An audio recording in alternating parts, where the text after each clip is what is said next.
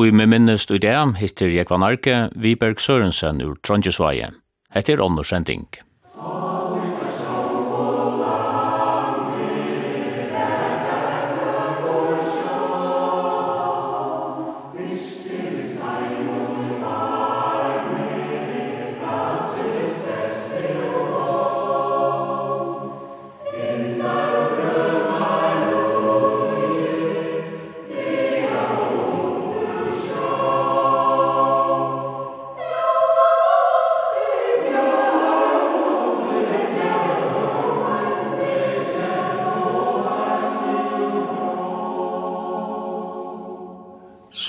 Du nevnte i senaste sending, hever stor menning veri at tvørare. Arne at han har at kongli eina handelen helt opp het i 1806. Ta såst kjøtt atra tvørare.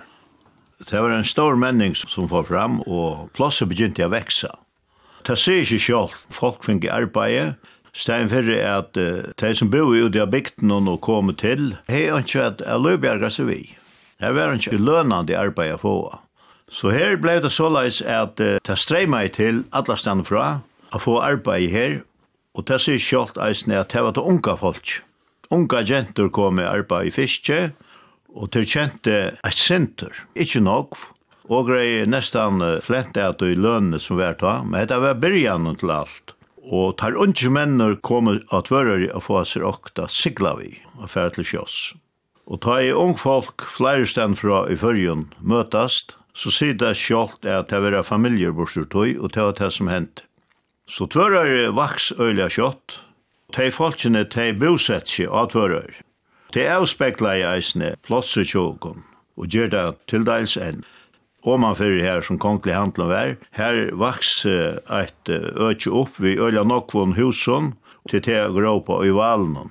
Og kjenns ikke valen atter det, men ta jeg var smadronkur til saman til at dette var ikkje mykvandu folk. Men uh, størsta virke som var at fører, og i påstand det er det størsta virke som var i førjen nærgrant og, och i mån til uh, tøyene som var. Det var uh, Morsens fellag. Det het först JME, Johan Morsensens efterfølgere, eller enke eisne. Og Johan Morsensen, det var en oalmyndelig visionär med vår. Han var bandasåner ur Öravik. Han har vært og läst nere i Danmark, Men han var eisne overfor utrøra med over. Og da han som kom heim, ta var han og i handelen og i Klaksvøk.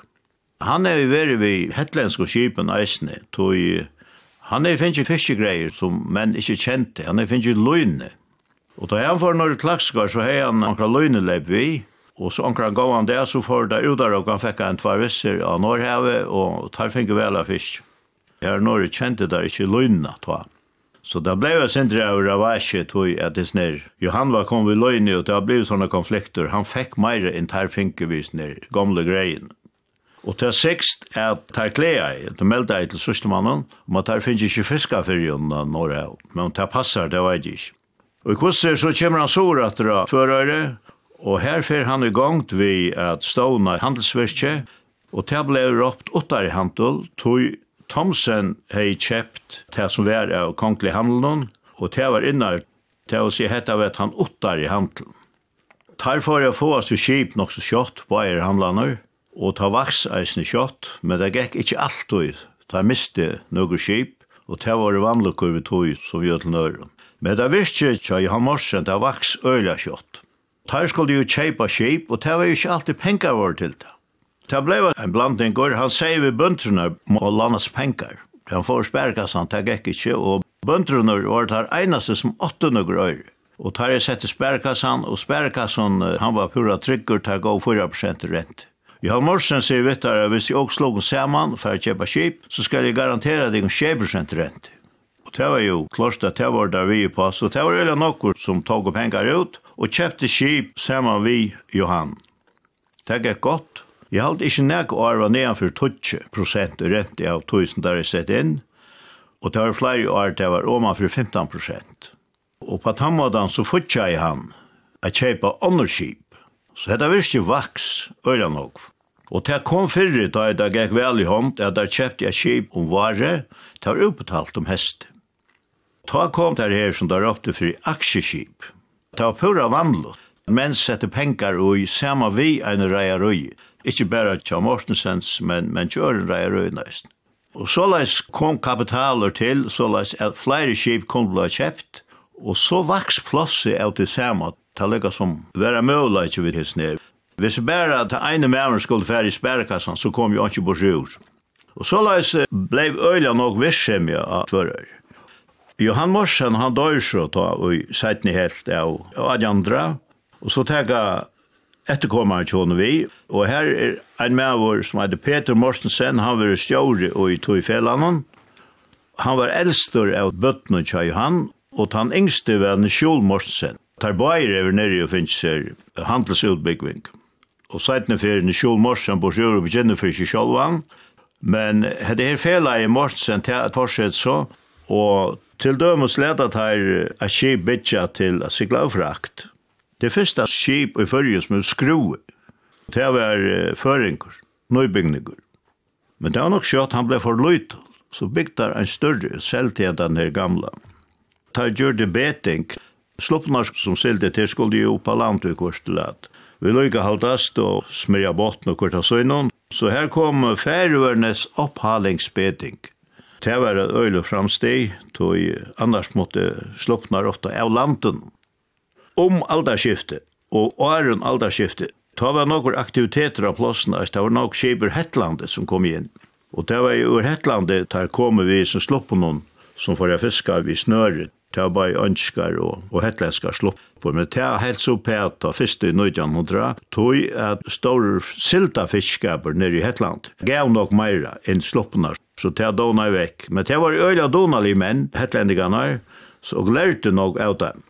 Til dømes var det her løyga Vesir Grønlandi eisne vi sluppum. Og det kom nok av tog at uh, hetlendigar hei veri vi kvelafangaren som skodu kvel her oppe i Davstretnon. Og tar av sikkert veri veri vi heva toskur eisne. Tog færa tar vesture etter vi sluppum. Ønskmennene kom nå til Hetland å få folk til kvelaveiene. Det gjør det så eisen til at det ble en sånn samstarv mittlån. Det lå vi ofte inne, og så får det fiske koen, hetlander, til Agn. Det gikk ikke så langt så ble føringene av og til jeg ble stoppet og lovlet av fiske gøyvik. Men det var fru Brennum i søda. Det gjør det hetlendar øyla nok nokva. Da kom inn og kjeipa, der ofta far og brant. Det var Brennum som der kjepte, og så selte der det atter da der kom i heimat. Men det stykka jeg så ta tøy og ta nødja, loven kom, nødja andre tjei, tøy folk ekva var om at det skulle stukkas vi å selja Brennum i handelen det var det tøyna ta i hetta fiskaroi i førjar helt på hetta og det sørste sloppunar der hei det blir nok seldar til førjar og her halde Henry Freeman måtte vera ein hans sørsta Hette her plosset som hese folkene koma til det er løyga som et ojande loiv og tar hei eisne udrarabatar Så sloppunar blev her av fjørn og veteren, og så rau menn ut alla veteren ta vekker til det. Pengan var ikkje nokkur, Tog det var ikke fagfelle, det var bare avtale så leis hva lønnen skulle være. Men det kom så i sin skjettene nyheter. Her var jo ånder en morsens handel. Her kja Thomsen var jo begynt ved kongelig handel så tar det som bare utvikla i det. Teir hei kjøpt fisk eisne, men teir fruer handel blei, så kom meira drift i det.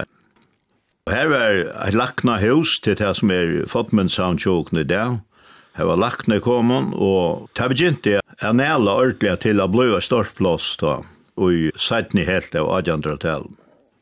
Men det var eisne ære, det var tvær menn som arbeid som faktorer til Thomsens handel. Det var en som het uh, Terkesen, han var danskare. Og så var det en ørvinger som het Hans Paule Sørensen. Og Tarbeier slå ikke saman om affære og stående en handel inni av Akvitanese som kalles Soderøs handelsforening. Her ble så gjørst fiskafloss og handelshus. Her var eisen nok arbeid. Ta kjøpte skip, men ta var øl og heltir. Tøy, ta fyrsta skipet der kjeipa, det er eisen som eit kongfråte. Ta var a kombinera frakt og fiskskip. Ta kom så til fyrjar, så kjøper der et annet skip som Eidu Bella. Det skipet hever en øyla underlige lakne, kan man säga. Og jeg har vidt øyla lydig om det, men det var såleis at dette skipet ble stjålet ur Amerika. Det fiska i makrel i her av Esterstrontene. Det var en brygg.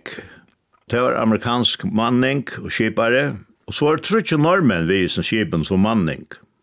Der er jo hundra tonner av salta i makrelle, og så koma der inn her til nok veri her som tar mennene våre fra, men der ankra i utanfor her var ikke helt godt av litja.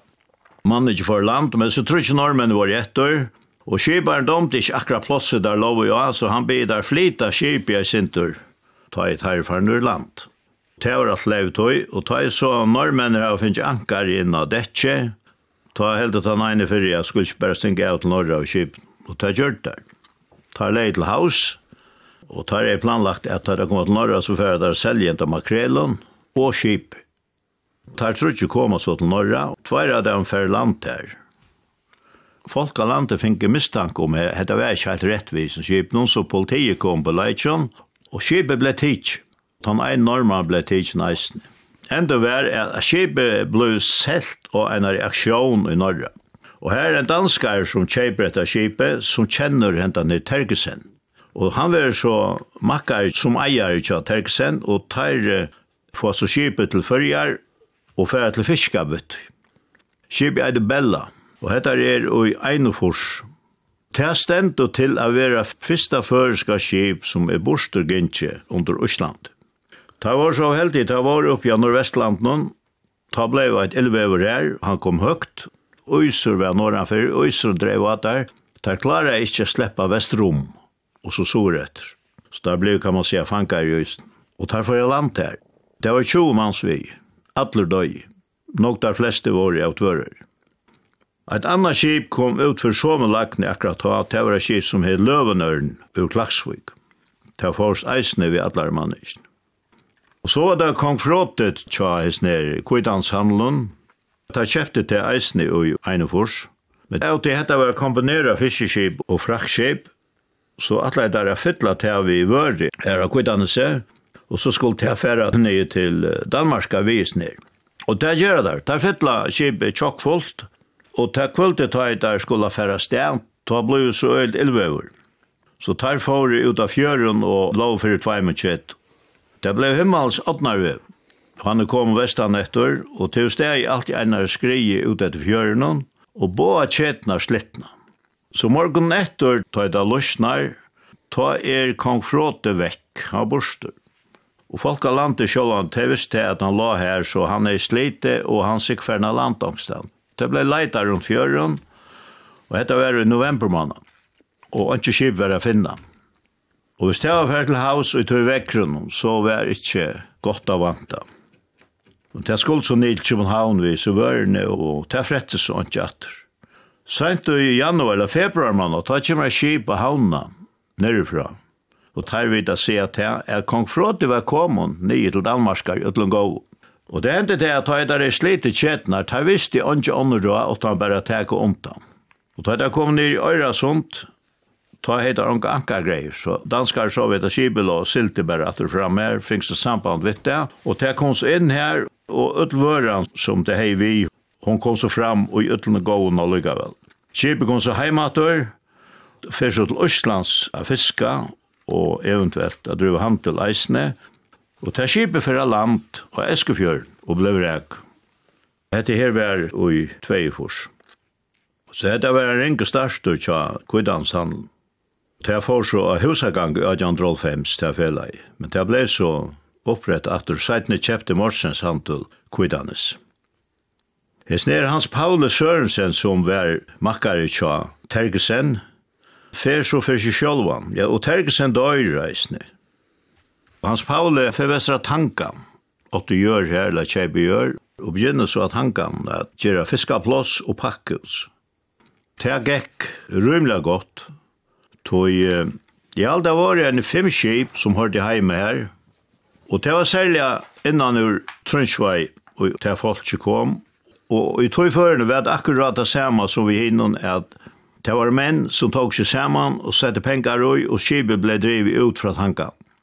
Og de husene som Hans Pauli og sin narkjon sett i 8, de stande her omanfyr vei.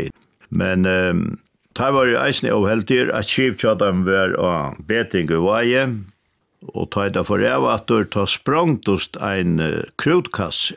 Alt dette får man evnest da. Så skibet ble reg.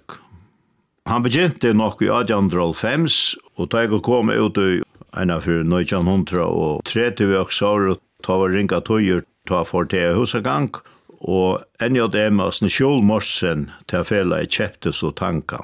Til som er rundan om natta da neste, til jeg kommer herfra. Så her var Løyv av tvørøyre, om satøyene ta i tilflyterne kom. Og hans folkene som kom i ur uh, her får de ut av Semmøyre. Og her fikk Ontjan et grunnstikje fra en kiparen som bor i nere ved som går oppe ved Søylatna. Han heter Daniel Johan ved Søylatna. Det var en overkipare. Han let så henne få et grunnstykke Konfeks så bekser en av sånne krøyse, nek innanfyrir her som fotballsvudler av semmorgir. De fengi så teg over høtte, og es falskjen som kom norr, det var Sonnova, og den eldste dotteren til henne var Elisabeth, hon var færre norr undan. Hon åtti eina, jeg halde av mammasister, og i valen hos var gift vi gamle halvdår, hon var færre norr av arbeidskjente her, da i hon lå sång og fikk en jente ut Det var en jenta som går upp för pinkan. Elisabeth blev så verande här i Valnon. Men sedan var hon åkte ut till tja mamman i Eisne och hon får. Och ett så är hon till Havnar och här bor ju en tja dotterne som heter Olka här av Tingsved. Och så var det en annan dotter som kom Eisne, hon heter Martina och hon får ny till Danmarskar och blev gift henne. Och den yngsta var Madalena, då det kom norr och hon får Eisne arbeid i fiske Og hon var vidt til å stående i Fiskepiernes fagforening. Og det er akkurat hundre år jeg er, så er han til hente. Feleie helt en rymla gav han fullste, seglåpne til Thomsen her.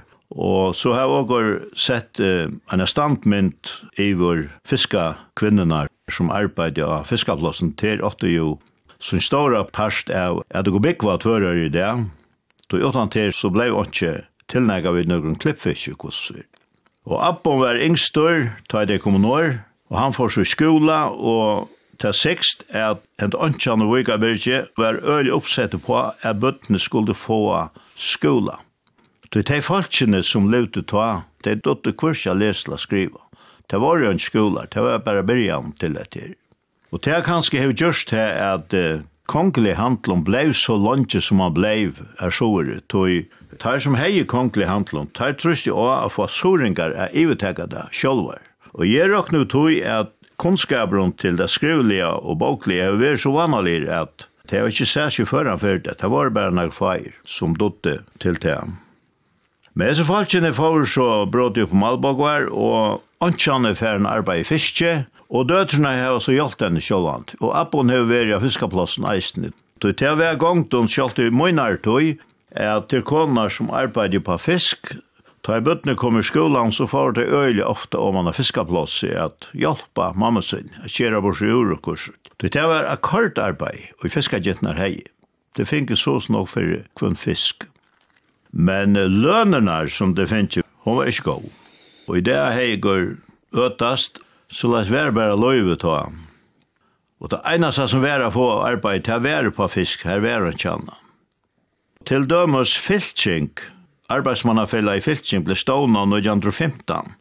Ta tøymalønnen 30 år, en potter av mjølk kosta i 25 år. Og Fiskepirens fagforening til å stående øya i 22 Ta vær arbeidslønnen komna jeg løyde kvink opp, men jeg halde jeg å se at og i 1919 var komun upp på ena knappa krone. Ett robrei kosta ena krone ta. Så hvis se samme lykkene hessa lønner vi tøyen i det, så øtast det at det ber til i hele tætje at hovre omtan. Det var øyla løyt av livet av tja folk. Omstøvnar var ikkje nega staslott, det var hus som ble bygd til kvørst felai som tja Morsensen, Thomsen, og her bo så til fiskagentnar. Og så er eit det at, transporteren om vare, da jeg sier, folken skulle komme så var ofta bare ved en gamla slopp eller også. Og skulle det heima til om heste, så at at det samme kyle. Og ta for morsensmenn når jeg holdt vi at uh, tås om affær og gjøre et feriemannaskip, tar tås seg vi luktinje om etter her, og luktinje var vi på det, og kortet det og en har nevnt etter malet. Og her ble det så sulta, og tar kontakta i så danska folkatinget til å få han ega hjelp bytje å bygge skipet, og skipet ble bygd, og det kallades fyrir Smirul. Så det var et øyelig fremstig, og i sovrøyden til å få hette her farmaskip. Tvører ble vi av veksa, ta en av første tretun, ta var 1930 folk at tvører.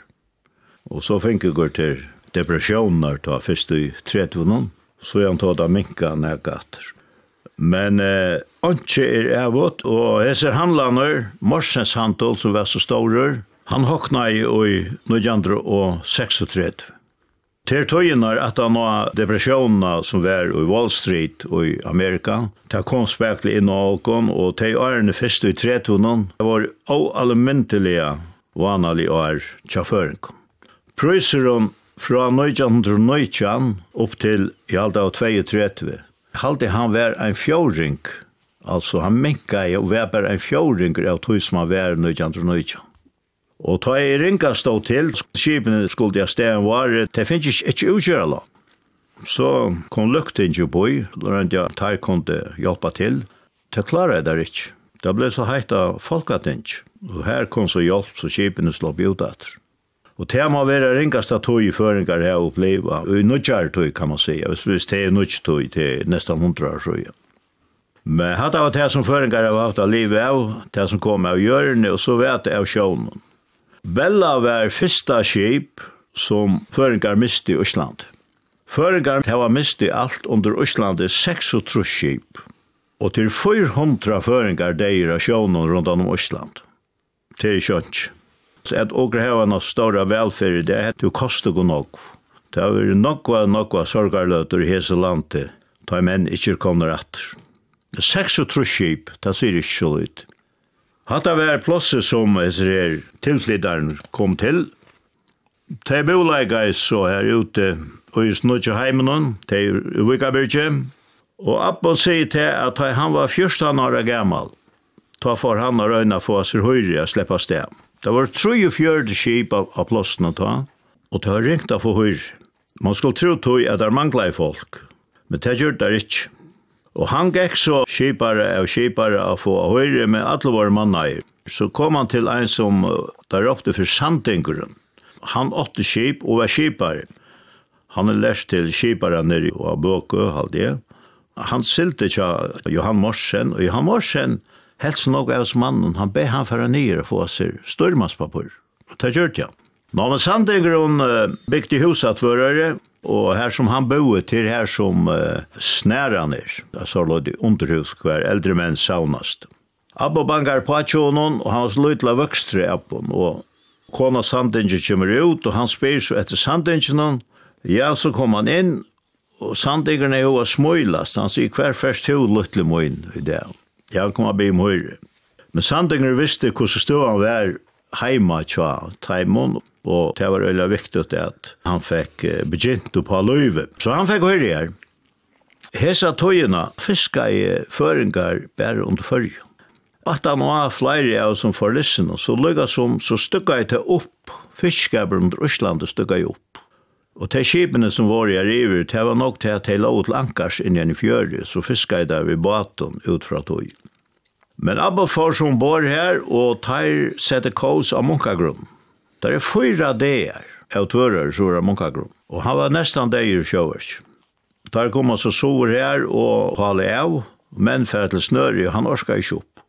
Han orska ikke ur kotsjene, og han liker så her høyran at gaggna tja sandens nere i høyre i erva, og, og sandengren kjem nye, så sier han vi han til little moin. Hvis du kommer opp nu, så er det bare nøytra tveit at jeg fyrir bor. Da sprakk han av føtter, og da jeg kom på detje og sette seg her, utlikva vår, jeg var ned fyra døvnen og sjåverkje, ta var mennfaren til snøre. Anker hjalp jo å få snøre for bor, og ta var sjåverkeren borstor, og han kom ankan til jatter. Her byrja jeg hans her loiv som fiskemøver. Og er etter ta foran så vi, i alt jeg får vi Daniel Johan og Søylåna, tar var nok saman. Det er det sørste året sandinger vi var borstor. Skipet hitt Håkon, og til å være eit av snir aksjeskipen som vi Morsenshandel. Han selte vi imenskån skipon, og så selte han eisen som størmaur, avlærter størmaur. Det var ikke så avvanlig ta. Ta sørst og i adjandra talen, ta selte menn avlærter som skipar. Ta ta mangla i skipar. Det var ikke avvanlig at ta selte som skipar i flere år.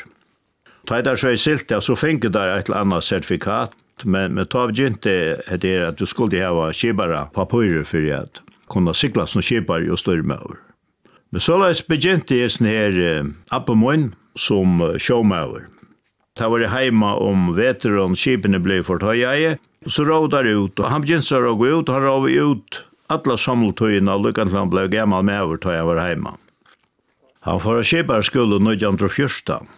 Ta kommer han til Havnar og atla sig på skola. Han fer så ned til Jens Pauli Dale. Bangar på her og sier at det er på skolan. Ta sier Jens Pauli Dale at man, man kan ikke bare komme av skolan, så Skolan langt kjempe jenter. Så to for sein. Nå, det var ikke godt. Men så, så pratet der jeg sint, så sier Jens Pauli, jo, du kan komme og prøve en av vike. Så så ikke går hvordan støvann er kjatt. Og da er han i veri til vikene ta at Jens Pauli, vi er en to og gå nok, du kan bare fortsette. Han kom så sorator og selte i imenskon kipon. 1925 er han kipar i Vigeland. Vigeland var en sånn, der ofta for siltabåter. Det var flere i avdaimen. Vi var i var Merkur og Koralia og Tarbadaner. Og henta Vigeland 80 er som kallas for Rudolf av Skarvanes. Han var tilflytar i Eisne. Det ble så en stor familie at han og han og er til en her tvører. Og i 1920 ble Appon Kibari og Hanne, det var en stor skommast ur ståle tja Morsnesmån.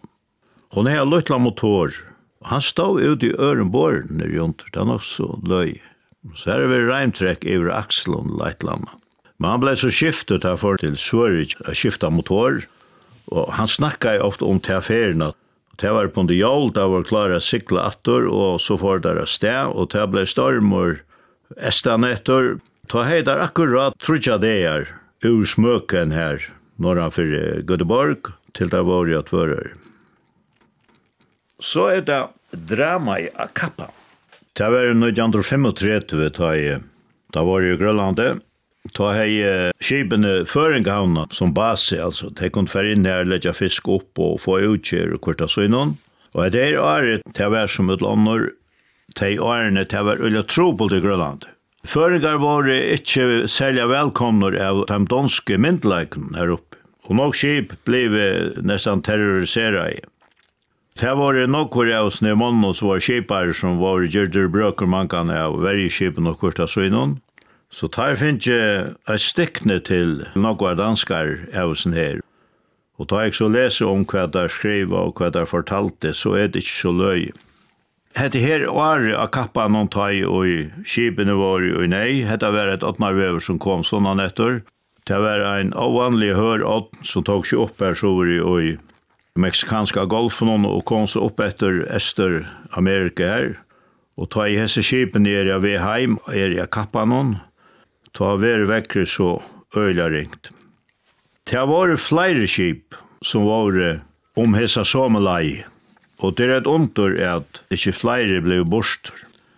Her var Coralia og Bleitson, Hanna, og Hjalte Carlton var reisne, og Koronett. Ta i skipene hei finnje tur inn om heste, ta var nok skip inn i føringan utleie, som i Atlan, at rikka til a fer heim. Ta i kommer vi Hanne inn i Kvøringanna, og det var såleis at uh, tar mangla i kål. Kokkeren mangla i kål, og oljan var nestan oppe. Tar hei øyla løyde av olje.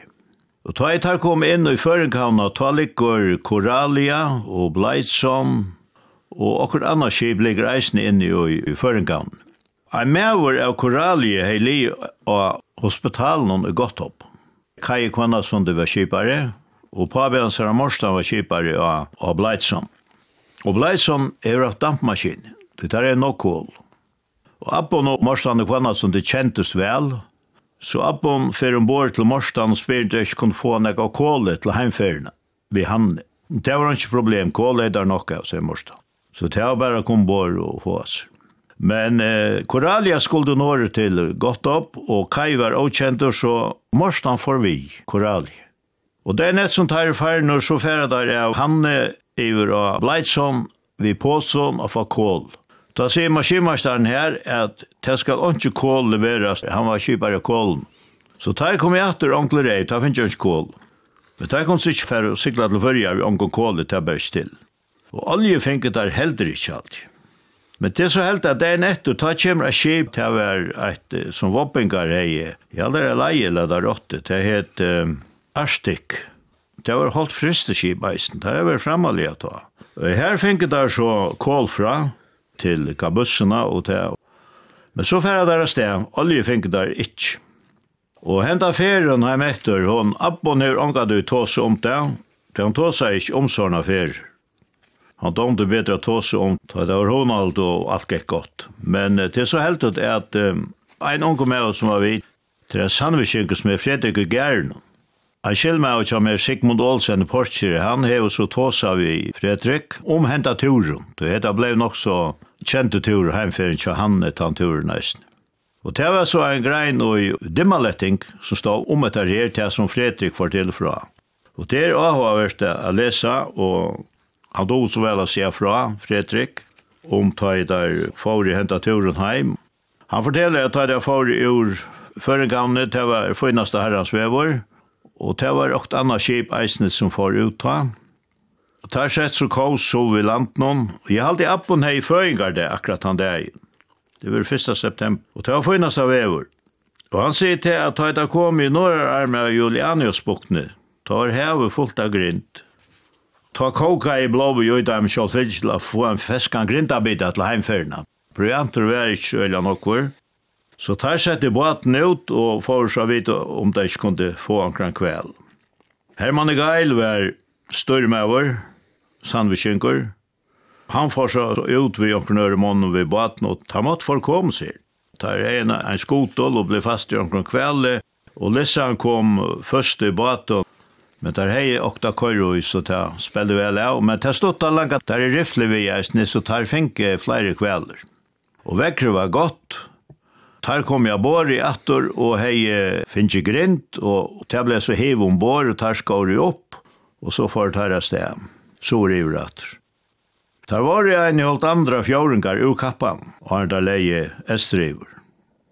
Ta begynte barometret av fettla men det var rymla godt vi Det er sånn det, sier han, at det kom i tunga alt det, og ta i fram mot kvultet, ta brannan og storm i landerik Og ta repa i öll segl, sjålande, leie så druva. Tja heim mann og det var skrekker å være være for nær kappan, tog kappan var tiltidig for det var alle vever. Og er det som så enn til det samme, men skipene der hei var ikke hei, som må i det. Men tar lov så bare bakk, og rødde halda han på i, men mana deg, sier han, ta fengt der en sjokk, og han var rævlig og lera suttja, det som sjokkurum, som bryter.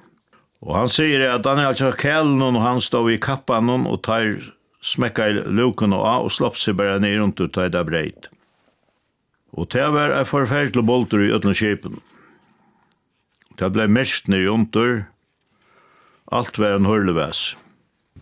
Skipet leie ikke skjerflatt, seklene var fotle av sjokk, og ta jeg tar kom opp, ta jeg der, hun ligger fløt, og ta følte der sjålande eisne, Så tar måtte bare stia seg for jeg kom på dekk.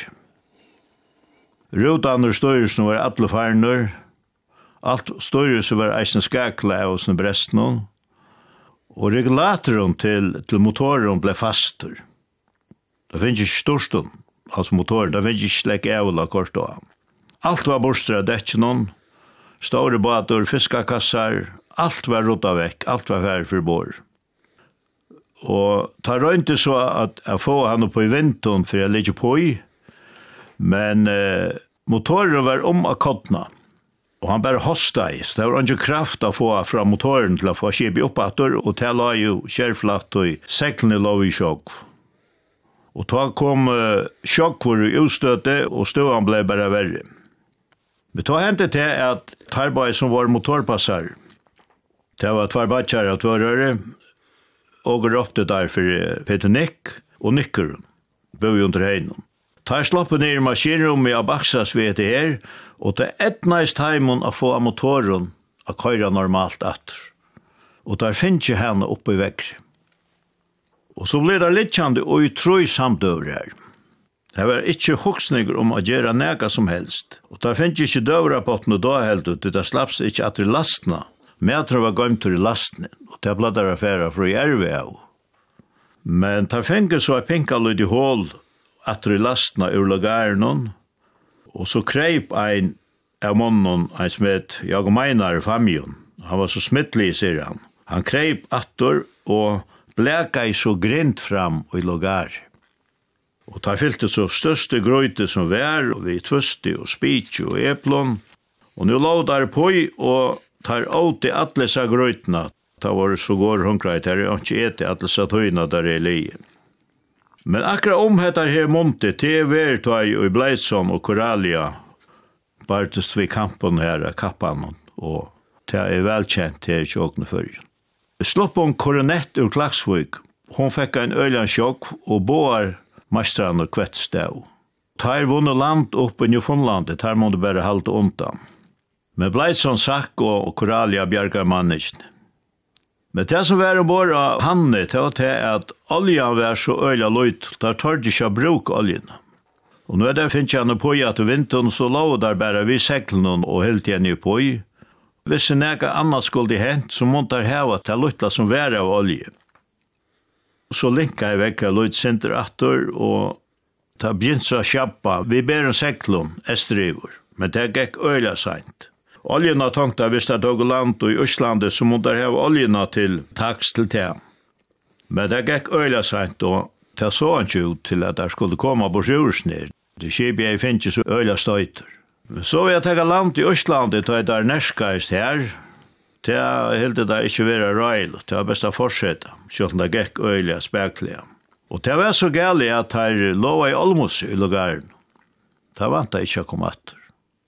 Så blokka jeg vekk jeg løyt sintur tøy da var kom passere Østland, og det gikk speklega estriver, og så er det en ta sigur appom vittar at hvis jeg han hei navigera rett, så var det trus fjorgar vester og mykines.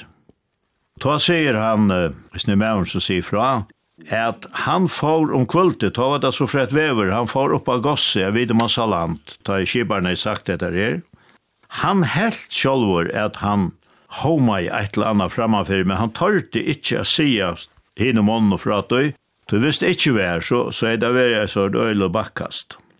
Men tar skjelte så om og morgon etter ta homa der land, og ta der nerska, så sutja der det mykines. Ta møta der einon kipe, som der får gjørst vart visse, om man får nega olje. Fyrst så der er kip, det var snorvåsbater, han kom tett fram vi, en dansk snorråsbater ur Esbjerg med Mackenzie. Det her blossa jo alt til land, det her så der slett. Men så kom en trøymestra som heter Emanuel og Vestmanna. Hon fikk samband vitt der, ta finket der olje, og ta blei lei betre. Ta sett så kaos sår i vår, og heima hei dei oppgive a sutja der atter. Tui tei skipene som hei veri a kappan og stemma vittaimon, var kom heim, og skip som var færre langt at han var føring av henne var eisne heimkommen. Og ei dotter appan, Jonny, hon gikk til prest, skulle konfirmerast, men uh, standaren heima var så rinkur at tei tåg henne fra a ganga til prest, tui tei vant at det blei bare sorg til å komme til det henne. Eit anna skip var Carlton eisne, han var eisne kappantoa, og han var eisne heimkomon, og morfære ur vaje, det var fære tutsi deir atan og hanne ur føringan. Det var eisne heimkomon. Så det var ringe stanter. Men Mitchells messe kvöld, ta er godt vevor at vörrar, det var blika long. Og ta høyra dei at a skip er av fjörnun og de så kjenna lantern. De håpa i og håpa i, men vån og værum av ut Ta sier onkur, hatte motoren han, det kjente motor. Og ta for maver av huset da etter her, frettost. Og alt folket som kunde ganga nesten være kajene til å ta mot dem. Så det ble et øylott gledeskvult og bo var så sendt til bygdnar her som er menn, er manneskene var vi finke bo. Så her er en turen som var så barsko for føringar, Han enda er godt, og det som er så øylig undrunar verst, at ønsken mevor blei bort, atler kom i heimat. Og så er det sett ofta veri kja føringon, og til ønske skiv færon vi folkje og i Grønland, ulte i årene føringar av veri her, onkur mevor i færon for bor, sjåladen, ein og ein, men ikkje såleis er a skiv vi fotlare manning er blei borster. Så og nok var takka gode fyrir at jeg hefur verið så leis. Er det her året, var sørste året og Abbo var vi hanne, tog var året etter 36 vi ta for det store Morsens felleie og husagangen.